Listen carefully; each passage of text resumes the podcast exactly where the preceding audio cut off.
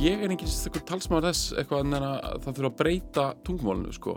Og ég held að segja að, að það sem að virkar í okkar samingi að tala um 7, 8, 9 í svona sérstaklega þessu pop og, og svona dægur menningar samingi það, eigi ekkit endilega við um allt samingi Þessi nýjung í, í máli hún er greinlega bundin svona einhverjum hópi og einhverjum, sagt, einhverjum ákveðnum hópi málnótenda og einnig ákveðinu umræðu efni og það er einmitt kennimark á mismunandi málsniðum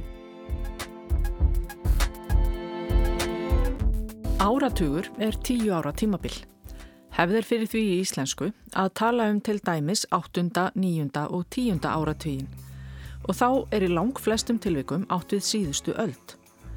Aðrar aldir geta auðvitað verið til umræðu og hægt að vísa til áratuga með þessum sama hætti og þá skýrist af samhengi við hvaða öld er átt.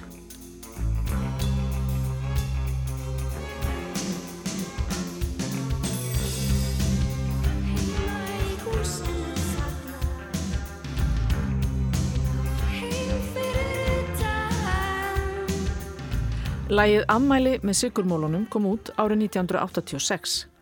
Það var á nýjunda áratug síðustu aldar og það þarf varðla að taka öldina fram. Það var einfaldlega á nýjunda áratugnum. Hver áratugur hefst á ári sem endar á tölustafnum einum og endar á ári sem endar á tölustafnum 0. Og sama kerfi er þegar aldir eru afmarkaðar. Þannig er tímabilið 1981 til 1990 nýjandi áratugur 20. aldar og 1991 til 2000 er tíundi áratugurinn. Hefðir fyrir því ennsku að vísa til áratugana með því að bæta fleirtölu endingunni S aftan á ártölinn. Þannig er talað um árin 1980 til 1989 sem 1980s, bæði ár með talinn. Það er sem sagt ekki sami háttur hafður á í ennsku og íslensku þegar tíu ár eru flokkuð saman í áratugi. Í íslensku er 1981 til 1990 nýjandi áratugurinn. Í ennsku er 80s 1980 til 1989.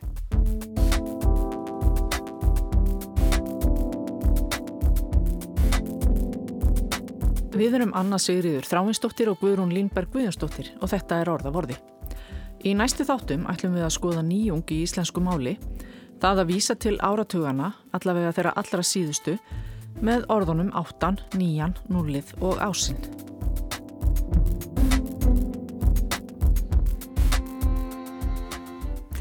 Hver eru uppáhalds áttu og nýju laugin þín? Hver eru uppáhalds laugin þín úr núlinu og ásnum? Það hefur líklega ekki farað fram hjá mörgum að ég tilefni að 40 ára afmæli rásar 2 hefur staðið við leit að bestu íslensku lögum nýjunda og tíunda áratugurins og þess fyrsta og annars á þessari öld. Heyrst hefur og sést í tengslum við umfyllunum afmælið að sumt dagskrargerða fólk vísar til áratugana með orðunum áttan, níjan, nullið og ásinn. Allavega svona í bland við hefðbundna tungutækið nýjundi og tíundi áratugur síðustu aldar og fyrsti og annar áratugur 21. aldar. Þetta heyrðist í spurningaþáttunum meðanótonum sem voru í sjónvarpinu sumar og er stundum notað í veffærslum um afmæli Rásar 2. Kristján Freyr Haldursson, verkefnastjóri á Rás 2, er einn af þeim sem komið að gerð sjónvarsþáttanna meðanótonum. Þeim fannst líka beint við að tala um áttuna og níuna, í kringu það hefði skapast hefð. Það hafi svo verið vandasamara að finna út úr því hvað átt að kalla næstu tvo áratíi af þeim fjórum sem fjallaði um í þáttunum. Það var leið yfir þessu, mjög lengi og hérna við þurftum virkilega að ákvæða það að því okkur er svo tamt að tala um áttuna og nýjuna og það alls saman. Þá þurftum við náttúrulega bara að ákvæða hvað ætlum að gera í kjölfærið og þetta var ákvæðun að fara í nullið og ásinn. Og ég held að, að allir hafi fengið búa mikið svona kjánarhóttli við því. Svona til að byrja með. Allir, þar sem hlustendur eða þið sjálfur? Já, bara, bara held, held ég við öll sko. Já, var það aldrei spurning að tala um áttuna og nýjuna? Nei, ég held að það sé einhvað sem að hafa verið tekið upp hérna fyrir einhverju síðan. Ég heyri allavega að dagsakjara fólk að Rástvö tala mikið um það 8. og 9. og þetta er að, mér finnst svona fast í málinu og hérna, en svo verða að vandast þegar við förum að tala um þessa fyrstu árutífi þessar aldar það er svolítið skrítið að því að það er ekkert sem að þetta er orðið eitthvað svo mikið gott flæði kringum áttun og níuna að fólki að fara að tala fjálglega um hitt og þetta að vera djúbri áttu og einhver slikt sem að ég er ekki vissum að allir skilji en hérna, ekki skilji það nógu vel. En sko djúbu nulli, það lítur að vera einhver ægilegu bot sem er komin í standið þar. Og þetta verður allt svo skrítið þegar að tala um uppáhaldslögin eða uppáhaldslög núlsins bestu lög ássins lag ássins er, þetta er eins og að sé einhver lag ársins en tala ekki nú skýrt. Þannig að þetta er smá, þetta er smá erfitt. En þetta við ákveðum að fara þessa leið. Og ég held að ég held að sko bestur rökin hafi bara verið það sem við rættum hér innan hús að, að hérna hér á Rúf að, að tala um uh, sko hvernig hvernig þetta raðast árin 2001 og þetta, end, þetta er allt 0, 1, 0, 2, 0, 3, 0, 4 og þá er þetta bara 0 og ég held að það sé bara sömu rökin og við notum 8 og 9 og það allt saman og ég, sko ég bara ræði við börni mín, ég var að ræði við börni mín um þetta, dóttur mína sem er í mettskóla, var að byrja í mettskóla og henni finnst þetta að vera virkilega gott til þess að staðsetja miklu betur. Og, og sko með á nótonum þegar við fórum stað með þá þætti á rúf þá, þá hérna voru við að fjallum 8 og 9 og svo aftur 0 ásinn. En ég heyriði það bara strax á, á sko um svona fólkinu sem að sáum þættina og þöli þau, þau voru sko strax að, að nota alla hérna, alla frasana.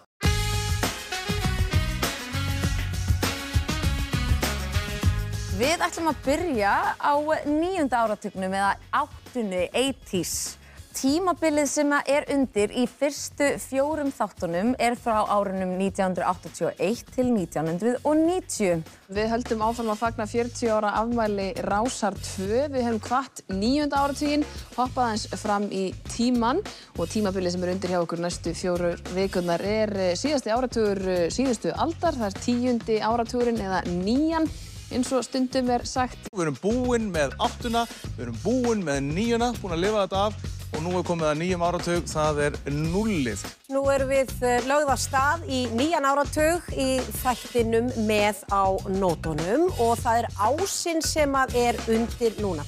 Það eru árin 2011 til 2020. Og ég, jú, jú, ég sé að gárungarnir eru að því að við höfum notið þetta í reitmáli líka, þau höfum skrifað utanum einhverja fæsluður og svona þess.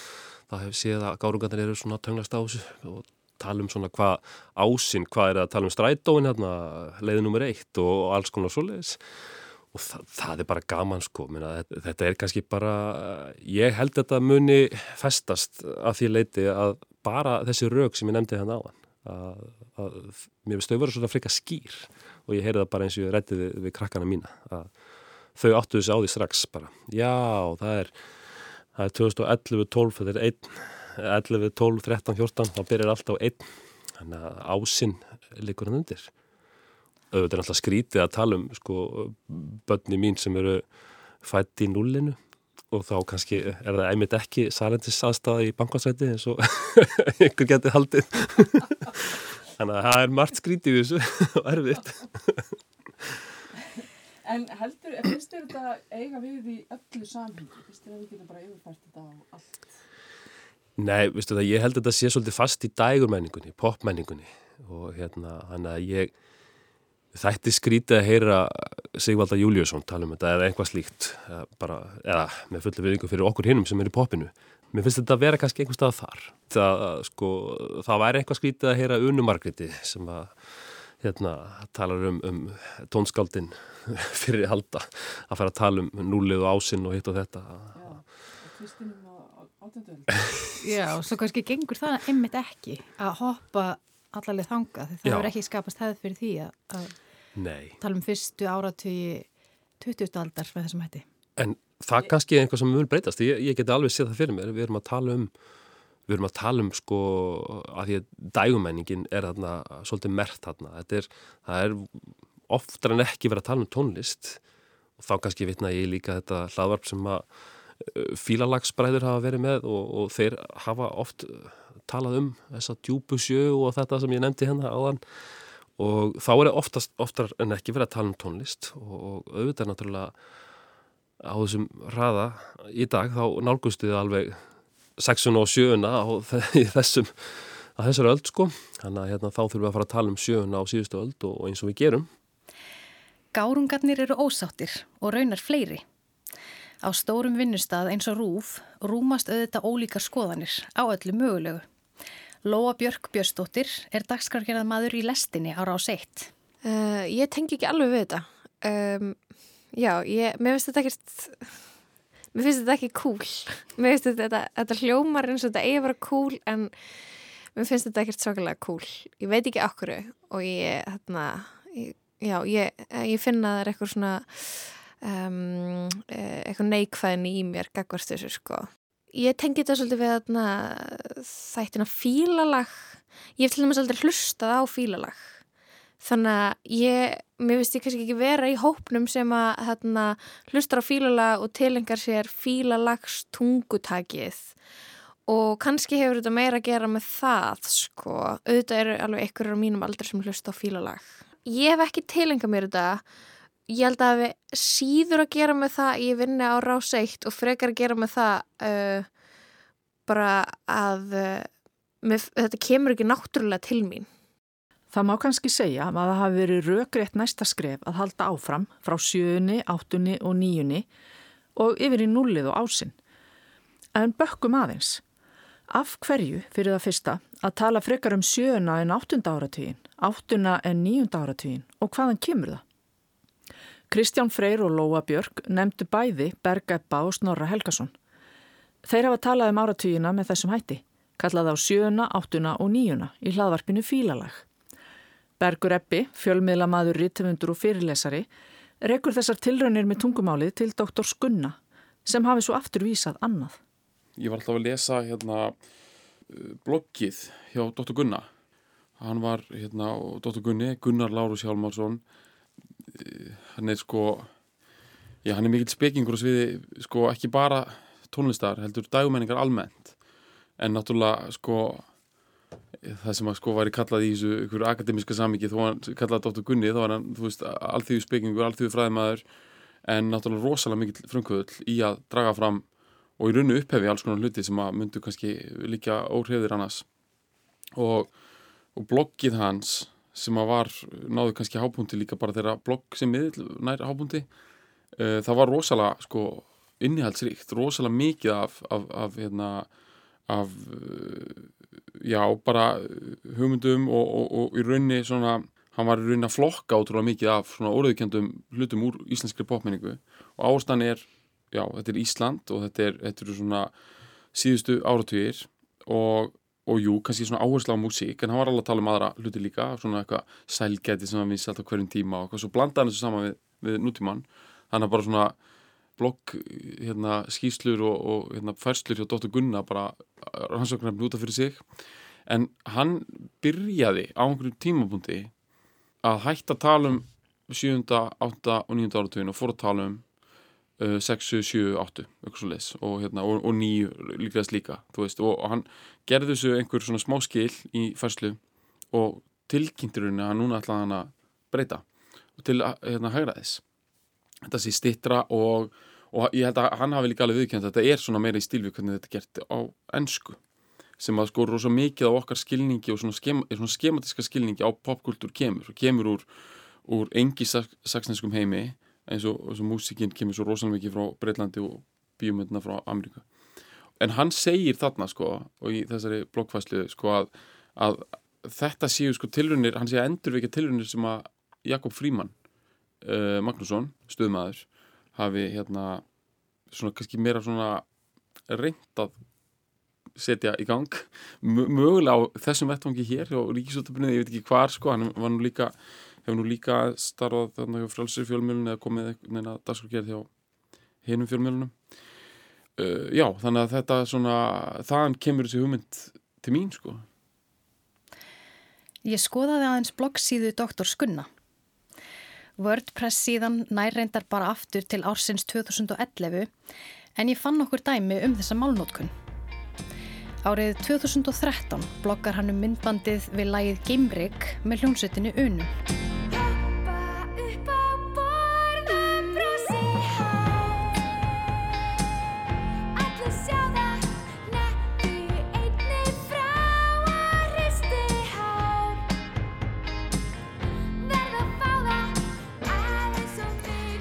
Við fylgjumst með tveimur úlingstelpum. Heima hjá sér og síðan á veitingahósinu 22.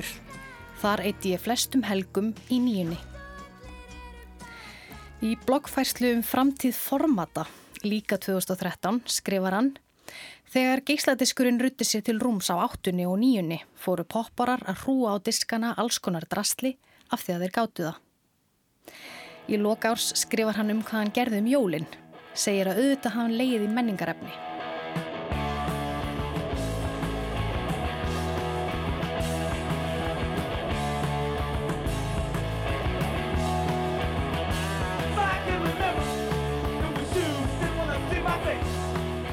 Heimildarmyndin A Band Called Death fjallar um laungu glimta rocksveit svartra bræðra í Detroit snemma á sjöunni. Svo var doktor Gunni í pólitískum pælingum í aðdraganda alþingiskostningana 2016. Honum líst ágætlega á einhverja flokka og skrifar allavega allt annað en status quo sem var reyndar fínt band í sexunni og snemma í sjöunni.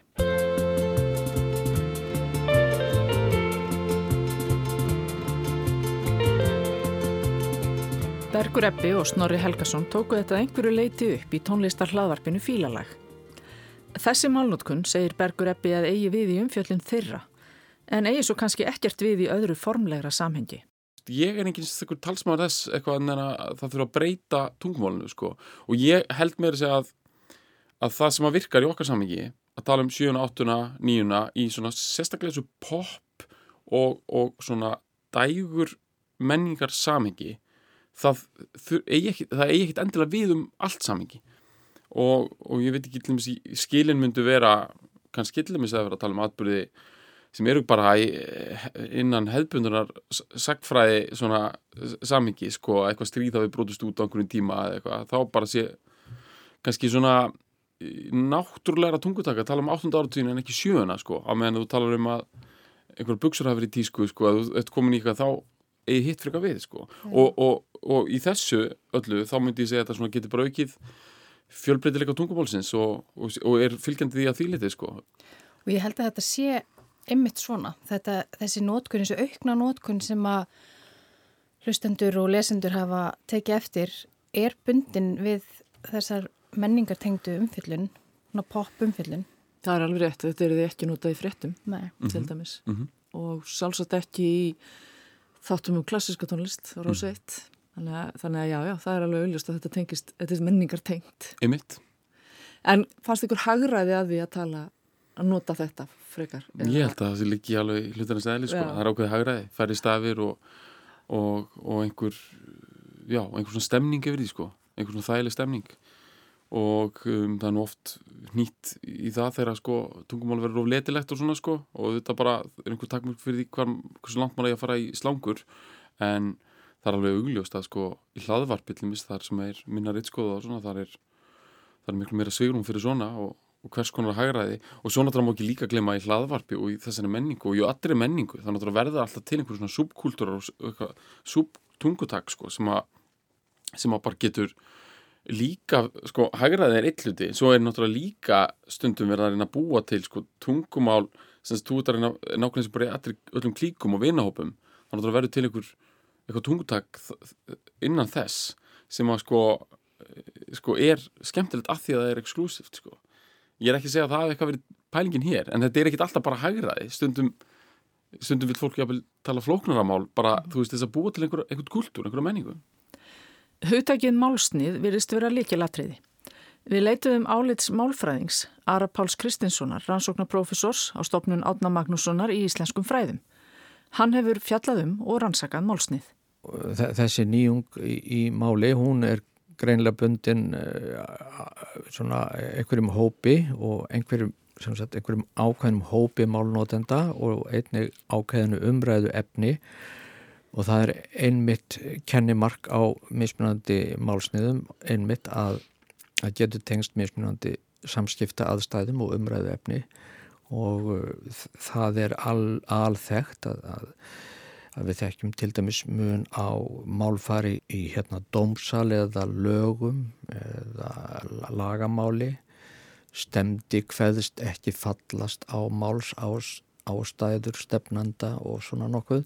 Þetta er ekki daglegt mál og þetta er bara bundið ákveðinu stíl þannig að þýlitinu til þá gæti það, þetta orðalag áttan og nýjan e, einmitt fallið undir þessa skilgreiningu vera, vera málnótkun sem tilheyrir tilteknum aðstæðum og tilteknu umræðu efni og það er einmitt e, þannig sem við getum skilgreint hvað þetta hugtak, málsniðs hugtak ákveð orðalag sem notaður við ákveðinu aðstæður og ákveð umræðu efni en síðan erum við svo vel útbúin frá sem málnotendur að við getum auðvöldlega farið á milli ólíkra stíla og uh, sem kallaði stílliðrun þegar hver og einn uh, málnótandi hefur vald á ólíkum málsniðum, talar eða skrifar með mismunandi hætti eftir í hvert umræðefnið er og hverjar uh, mál aðstæðunar eru.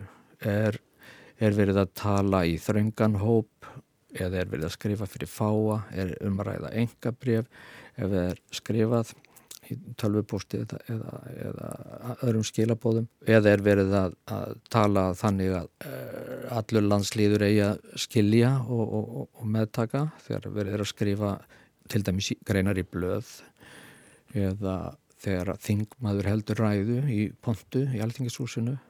Aðstæður og umræðefni eru afar ólík þannig að það geta orðið óendalega mörg tílefni til að skipta úr einum stíl í annan. Og við sem eh, hæfir málnotendur eða fólk sem, sem eh, er búið að læra tildekið mál og hrærast í tilteknum málsamfélagi það meðtekur við meðtökum venjurnar sem orðið hafa til og uh, með rítmálinu þá tilengum við okkur að það er hægt að rýta á ólíkan hátt eftir í hvert umræðefni hvað, hvað verður að tala um og hver tilgangu skrifana er og það er eins með talaðamálið að talaðmál er mismunandi eftir því hvort um er að ræða samtal eða ræðu og það getur verið ástæða til að orða hlutina öðruvísi eftir hver viðmælandin er. Sumt þarf að útskýra fyrir ákveðnum hópi, annað liggur í augum uppi að því að maður veit að viðmælandin er alveg með á nótunum. Og öll þessi dásamlega mósæk í málsamfélaginu kallar á það að við getum verið ó, nota málið á óendarlega fjölbreytilegan hátt. Og svo gerist að fólk kann að hafa einhverju leiti þá hugmynd að við tilteknar aðstæður eigi að nota tungumálið á tiltekinn hátt en sá sem er að tala, sá eða svo sem er að tala eða skrifa hafi annað mat þar á því og kjósi jafnvel vísvitandi að brjóta gegn eh, ákveðnum hefðum sem hafa skapast. Og þá kemur stundum upp núningur og, og það þekkjum við all, eh, það kemur upp gaggrinni á til dæmis í samtali á, í útarpi óformlegu samtali þar sem við erum taka við tölvið Eh, fólk og, og, og það er svona kannski á léttunótonum umræðu efnið er bara eitthvað skemmtilegt og, hérna, eða veðrið eða hvaðina og uh, viðmælandir segi kannski í manni finnst þetta og notar orði maður sem ókveði fornafn. Eða viðmælandir segir en hérna og segir hérna eins og fólk gerir almennt í vennilegum samtalum eða viðmælandin eða sá sem er að taka viðtali byrjir á að segja nú að því að við komum að hugsa svum þessi mál engjarnir sem ég nefndi þau eiga afar vel heima og eru hluti af eðlilegum samtalsstíl fólks og hvernig við tölum þegar við erum bara að spjalla. Og ef okkur finnst þessi stíl passa í útastætti eða einhverjum öðru efni sem við erum útbúa þá er það bara gott og blessað. En svo kann að vera einhver hlustandi hafi verið nýbúin að hlusta á fréttinnar eða hlusta á upplestur af einhverju frá, frásögn eða gerir sér á einhverjum ástæðum þá hugmynd að það sé áfram sami stíl sem eigi við og þá er hægt að ringja og kvarta.